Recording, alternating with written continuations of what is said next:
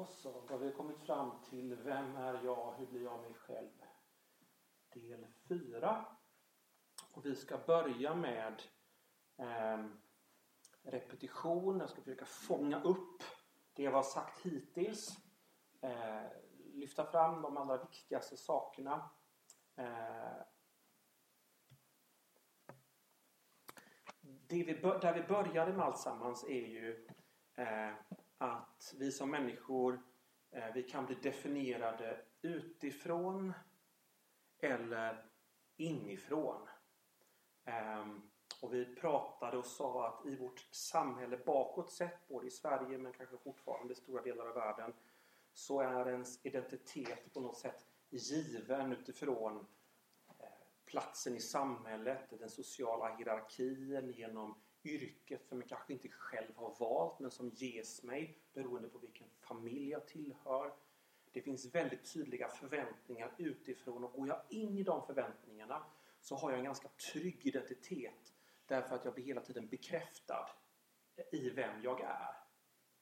Eh, men baksidan av det är ju att om ramen inte är någonting som speglar det jag själv uppfattar att jag är så är det som att lägga sig i en säng som är för kort eller ta på sig en kostym som är för trång.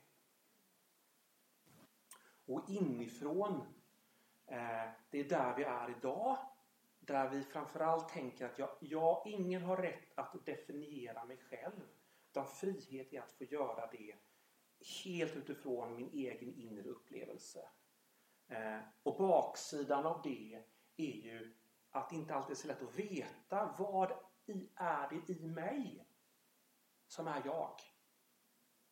Och om jag tycker mig hitta någonting som är i mig själv, som är jag och som jag tycker är viktigt att ta fasta på och lever ut så är det inte alls säkert att, att när jag går ut och visar min nya frisyr inom stationstecken att det accepteras och respekteras. Och eftersom att jag är så beroende, det är jag ju fortfarande, av andra människors bekräftelse så är inte det, det är inte heller så eh, eh lätt. Um, och för att ge en bild för detta så har vi gäddan. Eh, definierad utifrån eh, kan vara som en gädda som blir utsläppt i Medelhavet. Den dör därför att till sin natur så är den en sötvattenfisk. Var ni med på den bilden? Nej? Eh, vad sa du? du? Du fattar inte kopplingen? Det som är utifrån är ju vattnet.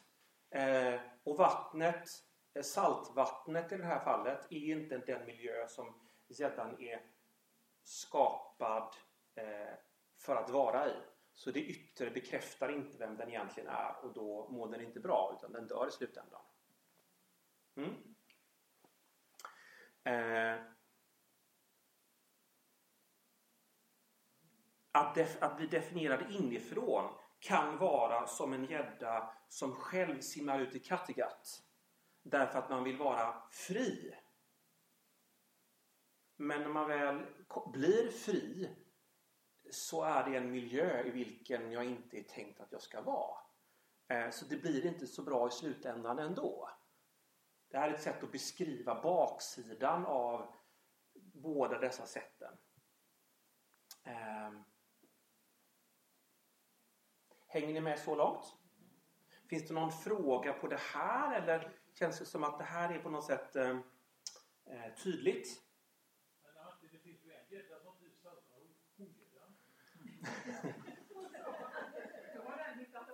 Ja, men då har ju den hittat rätt.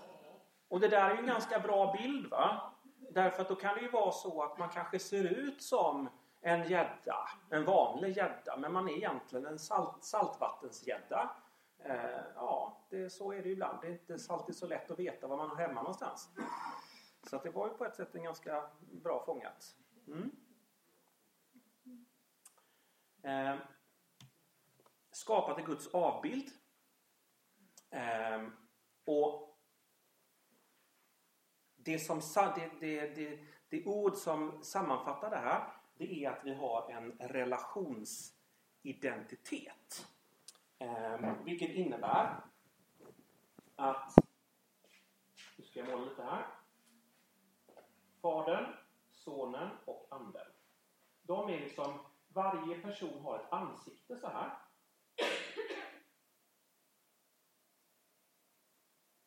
Eh, där de ser på varandra. Eh, och de tre eh, begreppen fader, son och ande är ju relationsbegrepp. Man kan inte vara fader ifall man inte har en son eller dotter och, och, och så vidare. Så när vi är skapade i Guds avbild så är vi en person på samma sätt som Fadern är en person, Anden är en person och Sonen är en person. Alltså vi kan inte vara oss själva, eh, vara sanna mot vår natur ifall vi inte lever i relation. Och eh, den bild som jag eh, ofta eh, återkommer till när jag ska försöka förklara detta. Jag brukar ha det här samtalet, prata någonting om det här när jag har dopsamtal. Eh, så är det bilden av mamma som ammar sitt barn.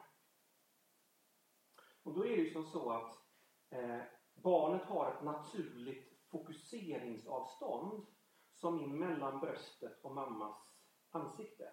Visst är det smart uttänkt? Och det där är på något sätt som en... Det beskriver på något sätt att hur blir barnet till? Jorden lika nödvändigt som det är att få mat i kroppen. Lika viktigt är det att kunna se in i ett ansikte som älskar och bekräftar mig. Där har ni bilden för en relationsidentitet och hur den formas. Eh, var det klart? Greppar ni relationsidentitet skapat i person? Har någon fråga på det?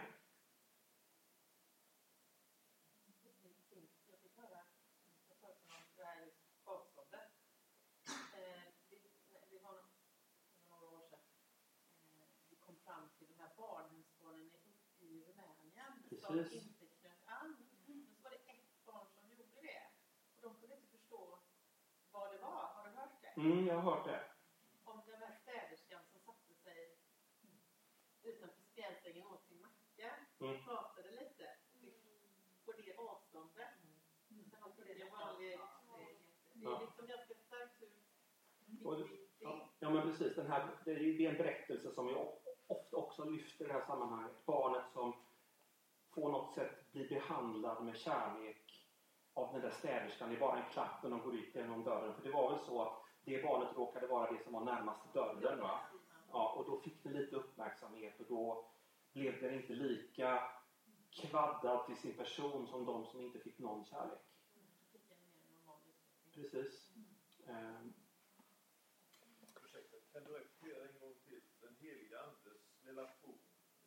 Alltså Fader, Sonen är ju naturligt Mm. Anden, det kommer ju av att vara utandad. Eh, andedräkt.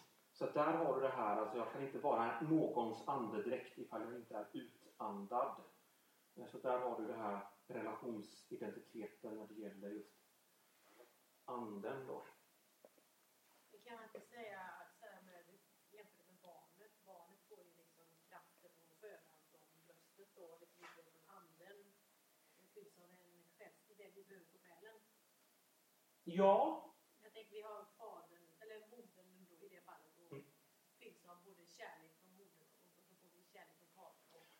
Det är jättebra fångat. Du, du på något sätt... Ja, men precis. Vad, vad du gör nu, det är ju att, att du tar en, en väldigt lång slutsats som jag kanske hade kommit fram till ända här framme då. Någonstans liksom så. Men det är jätte, du, du, du har kopplat ihop liksom. Eh, och det har vi då till exempel i Romarbrevet 5.8. Det står och hoppet sviker oss inte till Guds kärlek har blivit ingjuten i våra hjärtan genom att han har gett oss den heliga Ande. Så där har du precis det. Alltså, eh, anden som Guds utgjutna kärlek som kan strömma in i oss och bli en levande erfarenhet i oss. Så att eh, precis och så utifrån det andens frukter. Och nu kan vi nästan gå hem tänker jag. För nu har vi liksom, nu har vi på något sätt tagit hela allsammans. Nu har du tagit poängen direkt. Eh, Men det som är viktigt här för att anknyta till detta med inifrån och utifrån så är det ju att i en relationsidentitet så får jag ju min identitet både utifrån och inifrån. Alltså Gud ger ju min identitet. Han har ju skapat mig. Det är ju väldigt mycket utifrån. Men det är inget problem eftersom att det är han som vet vem jag är till hela min person. Jag tänker inte att man kan säga att vi bara är det vi är långt, längst där inne utan vi är ju, vi är ju liksom ande, själ och kropp. Den jag är i alla mina skikt och lager vet ju han. Så att han lägger ju mig aldrig i en säng som är för kort. Eller sätter på mig en kostym som är för trång. Var det klart? Det är vi själva som gör det. Och andra som gör det mot oss. Ehm. Om vi, nästa bild, det är... ehm, där har den, speglas i Guds ansikte. Om vi ställer oss in, framför en spegel, eh, då ser vi oss själva i den spegeln. Är ni med på det? Och då kan vi ställa oss frågan, ja men vem är det då? Men om du tänker sig att Guds ansikte är en spegel som vi ser in i. När vi ser in i det ansiktet så ser jag inte bara en person som jag inte vet vem det är eller som jag försöker fundera ut vem det är, utan då ser jag de facto vem jag är. När jag speglar mig i Guds ansikte så ser jag eh, vem jag är. Eh, Och vad är det jag ser då? tar vi nästa bild.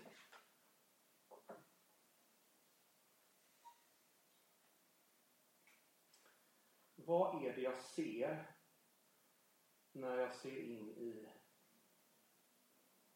Guds ansikte? Det första är att jag ser att jag är skapad till Guds avbild. Det förkortar det med GA. Och därmed så förstår jag vilket värde jag har. Eh, det andra, som allt här hänger ihop naturligtvis, det är eh, att jag är älskad. Och det gör mig trygg. Det tredje jag ser, det är att jag har ett uppdrag. Eh, som ger mig, eh, man kan säga, betydelse. Eh, och, det, och det sista jag ser är, eh, det är lite svårare, välbehag. Vad sa du? Välbehag. Alltså när Gud har skapat människan så säger han, om allt annat så säger han det här var gott. Men om Guds avbild säger han det här var mycket gott. Eh, det är på något sätt att, att, att någon har sin glädje i oss. Eh, eh, Man kan säga att det här är Guds hjärta för oss. Ehm, som ger oss vår, liksom, det vi behöver för att veta vilka vi är. Guds avbild, värde, älskad, trygg. Ett uppdrag som har, om man ska summera det uppdraget så handlar det ju om att ta hand om Guds värde i Guds plats. Och det sista är välbehag. Yes, Ludde? Jag tror att det är så att eh, alla människor har ju naturligtvis en del av det där. Men beroende på vart du är i livet också, hur mycket procent kan man väl säga eh, varierar ju från, eh, från person till person och i, även i ditt eget liv. Så du kan ju vara mer upptagen med ja, betydelse som du säger då, och älskad och, som mindre för min del just nu. Och så sen värdet är det jag som värdesätter eller Gud som värdesätter? Liksom, så att det, det, det, rör på sig hela tiden. Beror på var i fas du är i livet. Mm, det är en jättebra observation Ludde, eh, när du säger att, att i dessa fyra fälten så det som Gud ger oss och vill ge oss, där har vi vuxit eh, olika mycket på olika områden. Och det är något område som kanske just nu är särskilt viktigt för mig. Eh, där jag kanske jobbar med det eller håller på att läkas just nu och sådär. Eh, och samtidigt så går de ju inte att skilja åt, alltså de hänger ju, hänger ju ihop. Kan jag ställa en fråga? Absolut.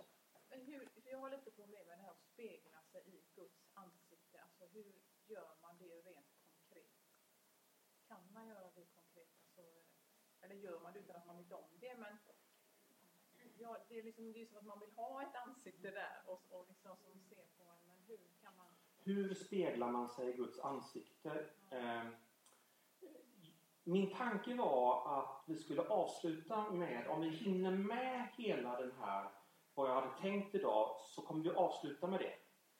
Eh, så. Eh, så att inte föregripa det så, så ehm, Då, då är jag tålmodig. och- Yes. Ehm, så att när jag speglar mig i Guds ansikte och lär mig att leva på det som är hans syfte med mig. Eh, då är jag som gäddan som blir utsläppt i rent sötvatten med en massa mumsiga abborrar. Jag är liksom där jag ska vara. Ehm, ja, då var det frågan om det fanns frågor. Jag har lagt in en sån där så jag inte ska glömma det. yes, Lars?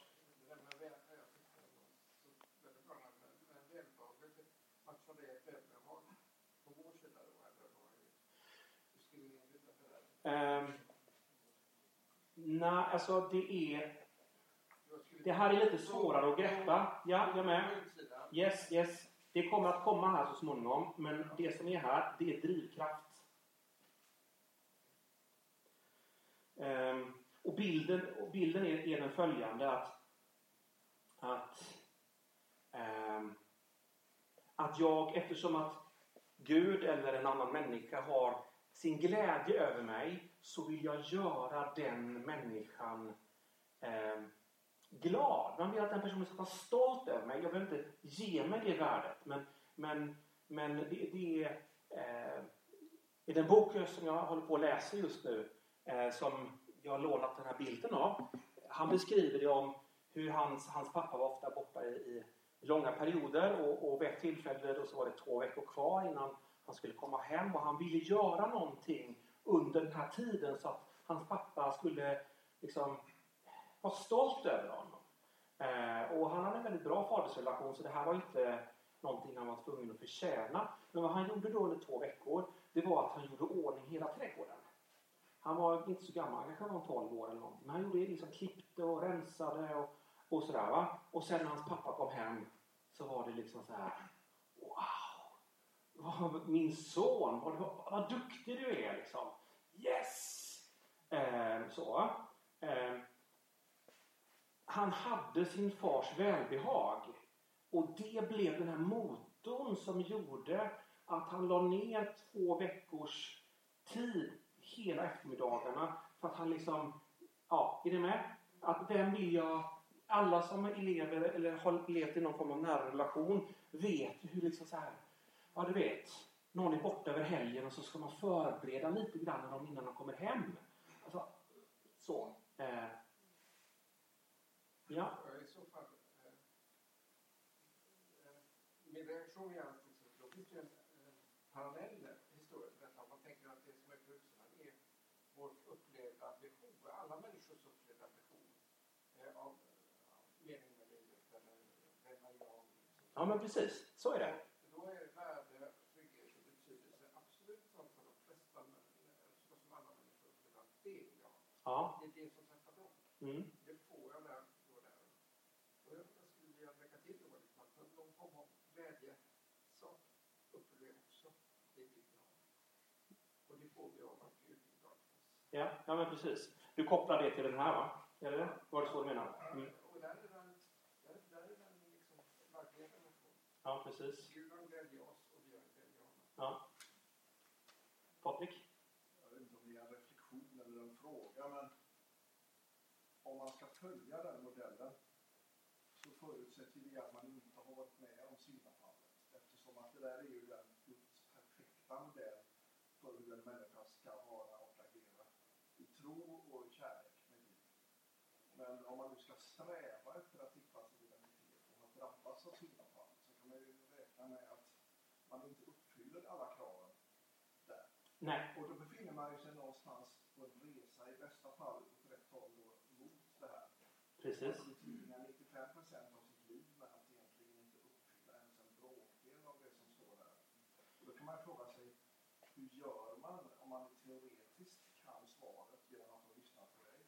Men själva i verket har en verklighet som kanske inte riktigt lever upp till den modellen. Det är det jag menar. Mm. Man rör på sig Ja. Det är när ni ställer sådana här frågor som jag förstår att okej, nu har polletten trillat ner. Va? Eh, och eh, svaret på alltså min plan och min tanke det är att vi så småningom ska få nästan som en rullator. Jag ska ge den en rullator. Så, så att liksom, man kan börja praktisera det här. Va? Eh, men vi är inte riktigt där än. Utan just nu så lägger vi en teoretisk grund. Och det handlar ju någonstans också om att ge en motivation till varför man ska gå med sin rullator. Eh, innan man förstår vad det är. Det här väcker ju någon form av längtan, eller hur? Ja, det kommer. Eh, men eftersom att du då tog upp det här med syndafallet, eller fallet, så tänkte jag, det tog upp förra gången, men nu tänkte jag att jag skulle bromsa in lite grann. Eh, och eh, titta lite mer på det här igen. Det här? Eh, det, här är, eh, det här är vad Gud har för oss. Och när vi är ända framme, helt och fullt och blivit de som vi är tänkta att vi ska vara, eh, då är det här hundraprocentigt en existentiell erfarenhet. Det är någonting som jag aldrig tvivlar på. Det är liksom det är ingenting som kan skaka det här. Det är ingen som kan som rubbar mig från det här. Det här är liksom eh, människor kan ju göra vad som helst men det här står jag i. Eh, så. Men där är ju ingen av oss där liksom. Eh, men det är alltid bra att veta vad, vad är det som vad är, vad är grundtanken? Eh, ja, ja, precis. Eh, nu ska vi titta på det som inte är lika roligt. Eh, nämligen människans problem. Och jag tycker då att eh, syndafallsberättelsen är helt oöverträffad i att ringa in detta. Och nu ska vi inte läsa hela, utan vi läser ett stycke och så säger jag någonting kort om det. Eh, ormen var listigast av alla vilda djur som Herren Gud hade gjort. Den frågade kvinnan, har Gud verkligen sagt att ni inte får äta av något träd i?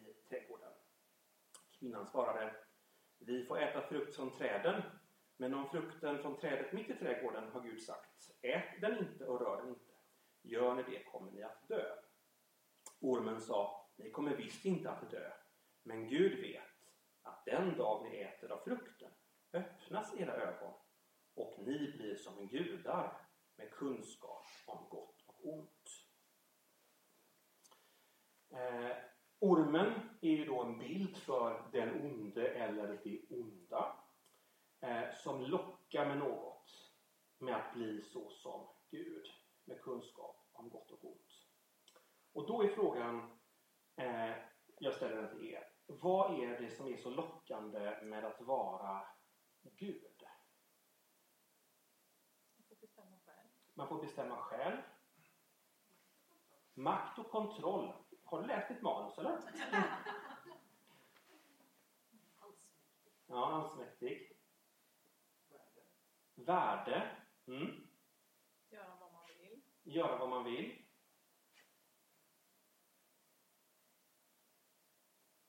Styra sitt liv helt och hållet. Styra sitt liv helt och hållet. Mm. Inte kunna göra fel. Ni har sagt, liksom, det är precis det här. Jag behöver inte säga skruva lite på det utan det här är liksom, ni har dartpilen rakt i bullseye. Så. Eh, och det där kan man ju då omformulera att säga ehm,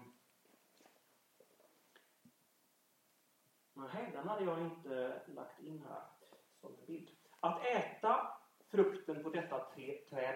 viljan att leva utan och vara oberoende av Guds kärlek. Guds vänskap, hans godhet och lära sig att leva livet utan honom. Alltså allt det där, makt, kontroll, kunna styra själv, bestämma själv. Det innebär ju att men då behöver jag inte någon annan än mig själv. Och då innebär det att jag inte behöver Gud. Jag behöver inte vara beroende. Eh, så. Ja. Det låter ju rimligt det du säger. Mm. Är det samma sak som kunskap? Det, det, det står ju inte där. Du säger nu den sammanfattningen. Det är din sammanfattning. Ja. Men det står ju att man får kunskap om gott och ont om man blir som judar. Är det samma sak då? Man får fullständigt. Är det en identitet på något sätt där bara helt oberoende av Gud, vilket ju självklart inte ligger i Guds intresse och heller. Alltså kunskap om gott och ont låter jättebra. Ja, kunskap om gott och ont låter jättebra. Ehm, nu är det ju ormen som säger det här. Eh, eh, och ormen talar inte alltid helt sant. Eh, så. Utan, utan vi får på något sätt eh, dechiffrera ormens lögn. Eh, så. Och det som inte ormen säger, men som ligger i saken, det är ju att kunna definiera vad gott och ont utifrån mig själv. Tanken var ju, era barn lär sig om gott och ont genom att spegla sig själv i er och lära er i en social kontext.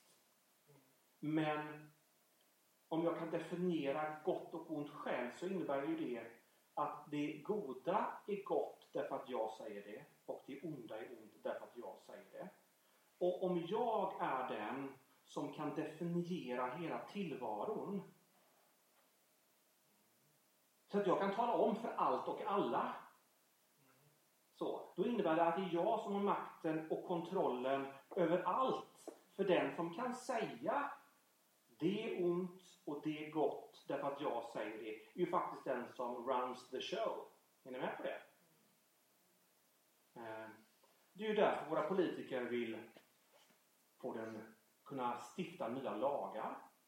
Så att politiken styr vårt samhälle åt en riktning som man tänker att det är bra. Ja. Eh, någon mer fråga på det? Då går vi vidare. Eh, kvinnan såg att trädet var gott att äta av. Det var en fröjd för ögat och ett härligt träd eftersom det skänkte vishet. Och hon tog frukten och åt. Hon gav också till sin man som var med henne och han åt. Då öppnades deras ögon och de såg att de var nakna. Och de fäste ihop fikonlöv och band den kring höfterna. Alltså konsekvensen, här ser vi någonting om konsekvensen av att de äter av trädet. Eh, och det den konsekvens vi ser först det är att deras nakenhet blir ett problem för dem. De behöver gömma sig och dölja sig för varandra. Eh, det som vi kallar för skam kommer in. Eh, och vi ska fundera på det. Men vad är det de skäms för? Men innan vi svarar på det så ska jag liksom... Jag har förstått att det här med skam, det är inte så lätt. Alltså det, för mig är det som ABC, men jag, det är inte, jag vet jag pratat med min fru om det här och jag har alltid pratat om skam, jag har inte fattat om vad det handlar om, men liksom nu efter tio års äktenskap så, ja, sådär. Så. Eh, eh, skuld är, jag har gjort fel. Skammen säger, jag är fel eller jag är värdelös. Och det är faktiskt så att känslomässigt så kan det vara jättesvårt att inom sig själv särskilja på, är det skuld jag känner? Eller är det skam jag känner? Eh, men några vägledande tankar. Skammen känner, ta mig härifrån. Låt mig sjunka genom golvet. Eh, skammen sänker blicken. Tittar ner i golvet, vänder bort ansiktet. Det är liksom skammens uttryck. Eh, och jag har ett väldigt tydligt minne av en skamsituation som inte drabbade mig utan som drabbade en kompis till mig. Vi gick i fjärde klass tror jag det var. Eh, och vi hade precis börjat läsa engelska. Eh, och han skulle läsa högt. Det här, jag vet att en del av er känner igen det här. Eh, och då sa han så här I do not knäv. Och hela klassen började gapskratta. Och jag sitter precis bredvid honom och han blir helt pionröd i ansiktet. Eh, du vet, nästan parkerar blicken rakt ner eh, i bänken. Det han upplevde då det var ju skam. Jag är ju värdelös. Och han läste aldrig högt mer. Eh, så, det är skam. Eh, och de flesta av oss har en del av den typen av erfarenheter som har märkt oss. Eh, och det ska vi inte ha tid att göra idag, men liksom, för att säga det till er som samtalsledare. Ibland, om man är tillräckligt trygg i en grupp, så kan, är det ju någonting man faktiskt kan dela med varandra. Det kan vara ganska läkande att, att, att ibland säga Ja, jag var med om det här. Liksom. Eh, så. Ja, precis. Man skäms. Ja. Precis. Mm. Eh, bara för att skilja det från skulden. Då kan man ju ha skuld och skam på en och samma gång. också. Ja, men absolut. Båda sakerna kan finnas i oss samtidigt. Både skuld och skam. Eh, men det är olika saker, men det är, kan finnas existentiellt upplevelsemässigt samtidigt i oss. När vi känner skuld så känner vi sorg över den skada som vi har tillfogat någon annan. Eh, vårt fokus ligger med tyngdpunkten på den andra som är viktig för oss. Eh, och den som är förälder, nu har jag inte kommit så långt i mitt föräldraskap så att jag ännu behöver se tillbaka på en period och tänka oj vad jag har ställt till det. Eh, så. Men jag tänker att de flesta föräldrar när de ser sina barns utveckling så småningom tänker det finns vissa saker som jag hade kunnat göra annorlunda. Eh, och ibland så, så, så handlar inte det bara om, om otillräcklighet utan man kanske har gjort vissa saker och sådär. Eh, och då känner man sorg därför man älskar sitt barn och man ser att det barnet har farit illa på grund av mig. Eh, men då ligger fokus på sitt älskade barn. Det är inte... Eh, det, det, kan finnas, det, det finns säkert mycket skam där också men, men, men det finns en sorg. Där, så. Eh, och det är fokus på handlingen. Som, som det, den andra och handlingen. Eh, inte på oss själva.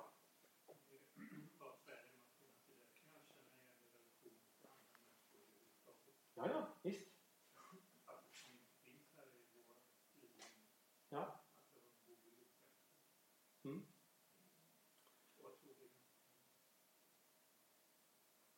Mm. Nu går vi tillbaks till den här frågan. Eh, men vad är det man skäms för? Eh, bibeltexten är lite subtil eh, och lite omskrivande så. Eh, inte så rakt på sak. Så den, skriver, den beskriver att de döljer, de sätter fikonlöv runt höfterna. Eh, det är ju, de vill ju dölja sin, sina, sin nedre region. Det är ju uppenbart att det är det det handlar om. Eh, och frågan är, varför är det så? Eh, och jag tror att det har att göra med att sättet som vi fortplantar oss eh, är ett o... Det, det, liksom är, det visar oss övertydligt att vi behöver något annat än oss själva. Det är inte hermafroditer som kan så att säga, föröka oss eh, eh bara utifrån oss själva. Utan vi döljer den delen som visar att jag inte är Gud. Alltså, jag kan inte, jag, är, jag kan inte vara mig själv nog. Eh, är ni med på bilden? Eh,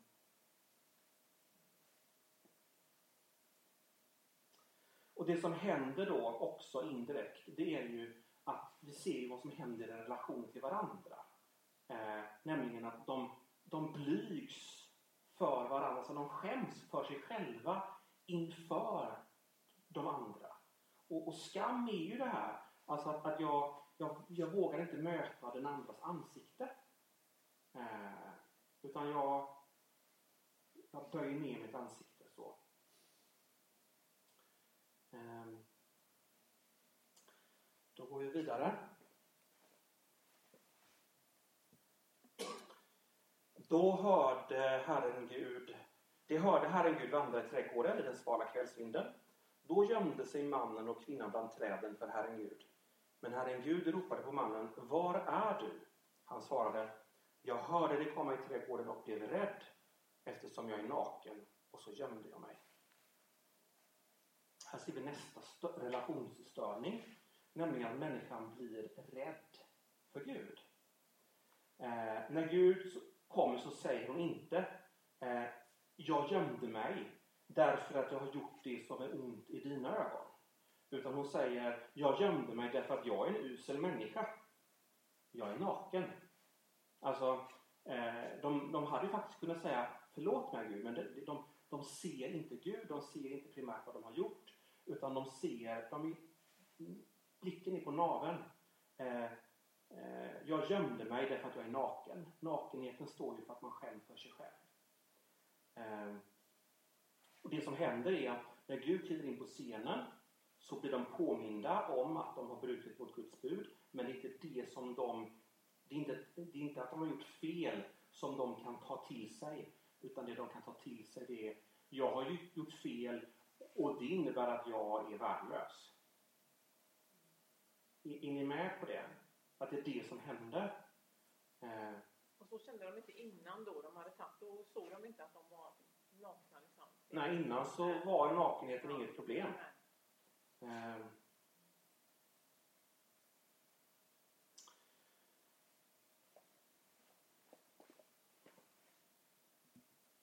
Och innan kände de ingen skam då. Såklart. Nej, precis. Um. Ja, just det. Jag har jag gått... Eh, min bildvisning här är lite bristfällig. Ehm, då läser vi det här igen då. Ehm, det som står på tavlan nu som jag läste fel. Herren Gud sade, vem har talat om för dig att du är naken? Har du ätit av trädet som jag förbjöd dig att äta av? Mannen svarade, kvinnan som du har ställt vid min sida, hon gav mig av trädet och jag åt. Då sa Herren Gud till kvinnan, vad har du gjort? Hon svarade, ormen lurade mig och jag åt. Människans sätt att hantera sin skuld inför Gud är att inte ta ansvar utan att skylla ifrån sig. Är det tydligt? Mm. Eh, och sättet att inte ta ansvar är att lägga skulden på någon annan. Mannen skyller på Gud först och främst som har gett honom den där kvinnan som förledde honom. Eh, så. Eh, och kvinnan eh, hon skyller på ormen.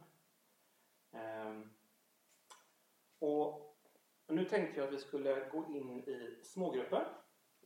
Och ni ska få fundera på eh, dessa frågorna. Det är lite grann, jag har redan nämnt det, men jag vill liksom att ni ska prata om det med varandra. Och det hänger ihop. Svaren finns redan i det vi har sagt. Men jag tänkte att, att ni ska få gå in i de grupperna som är och, och samtala kring eh, dessa här frågorna. Eh, varför skäms människan för sig själv?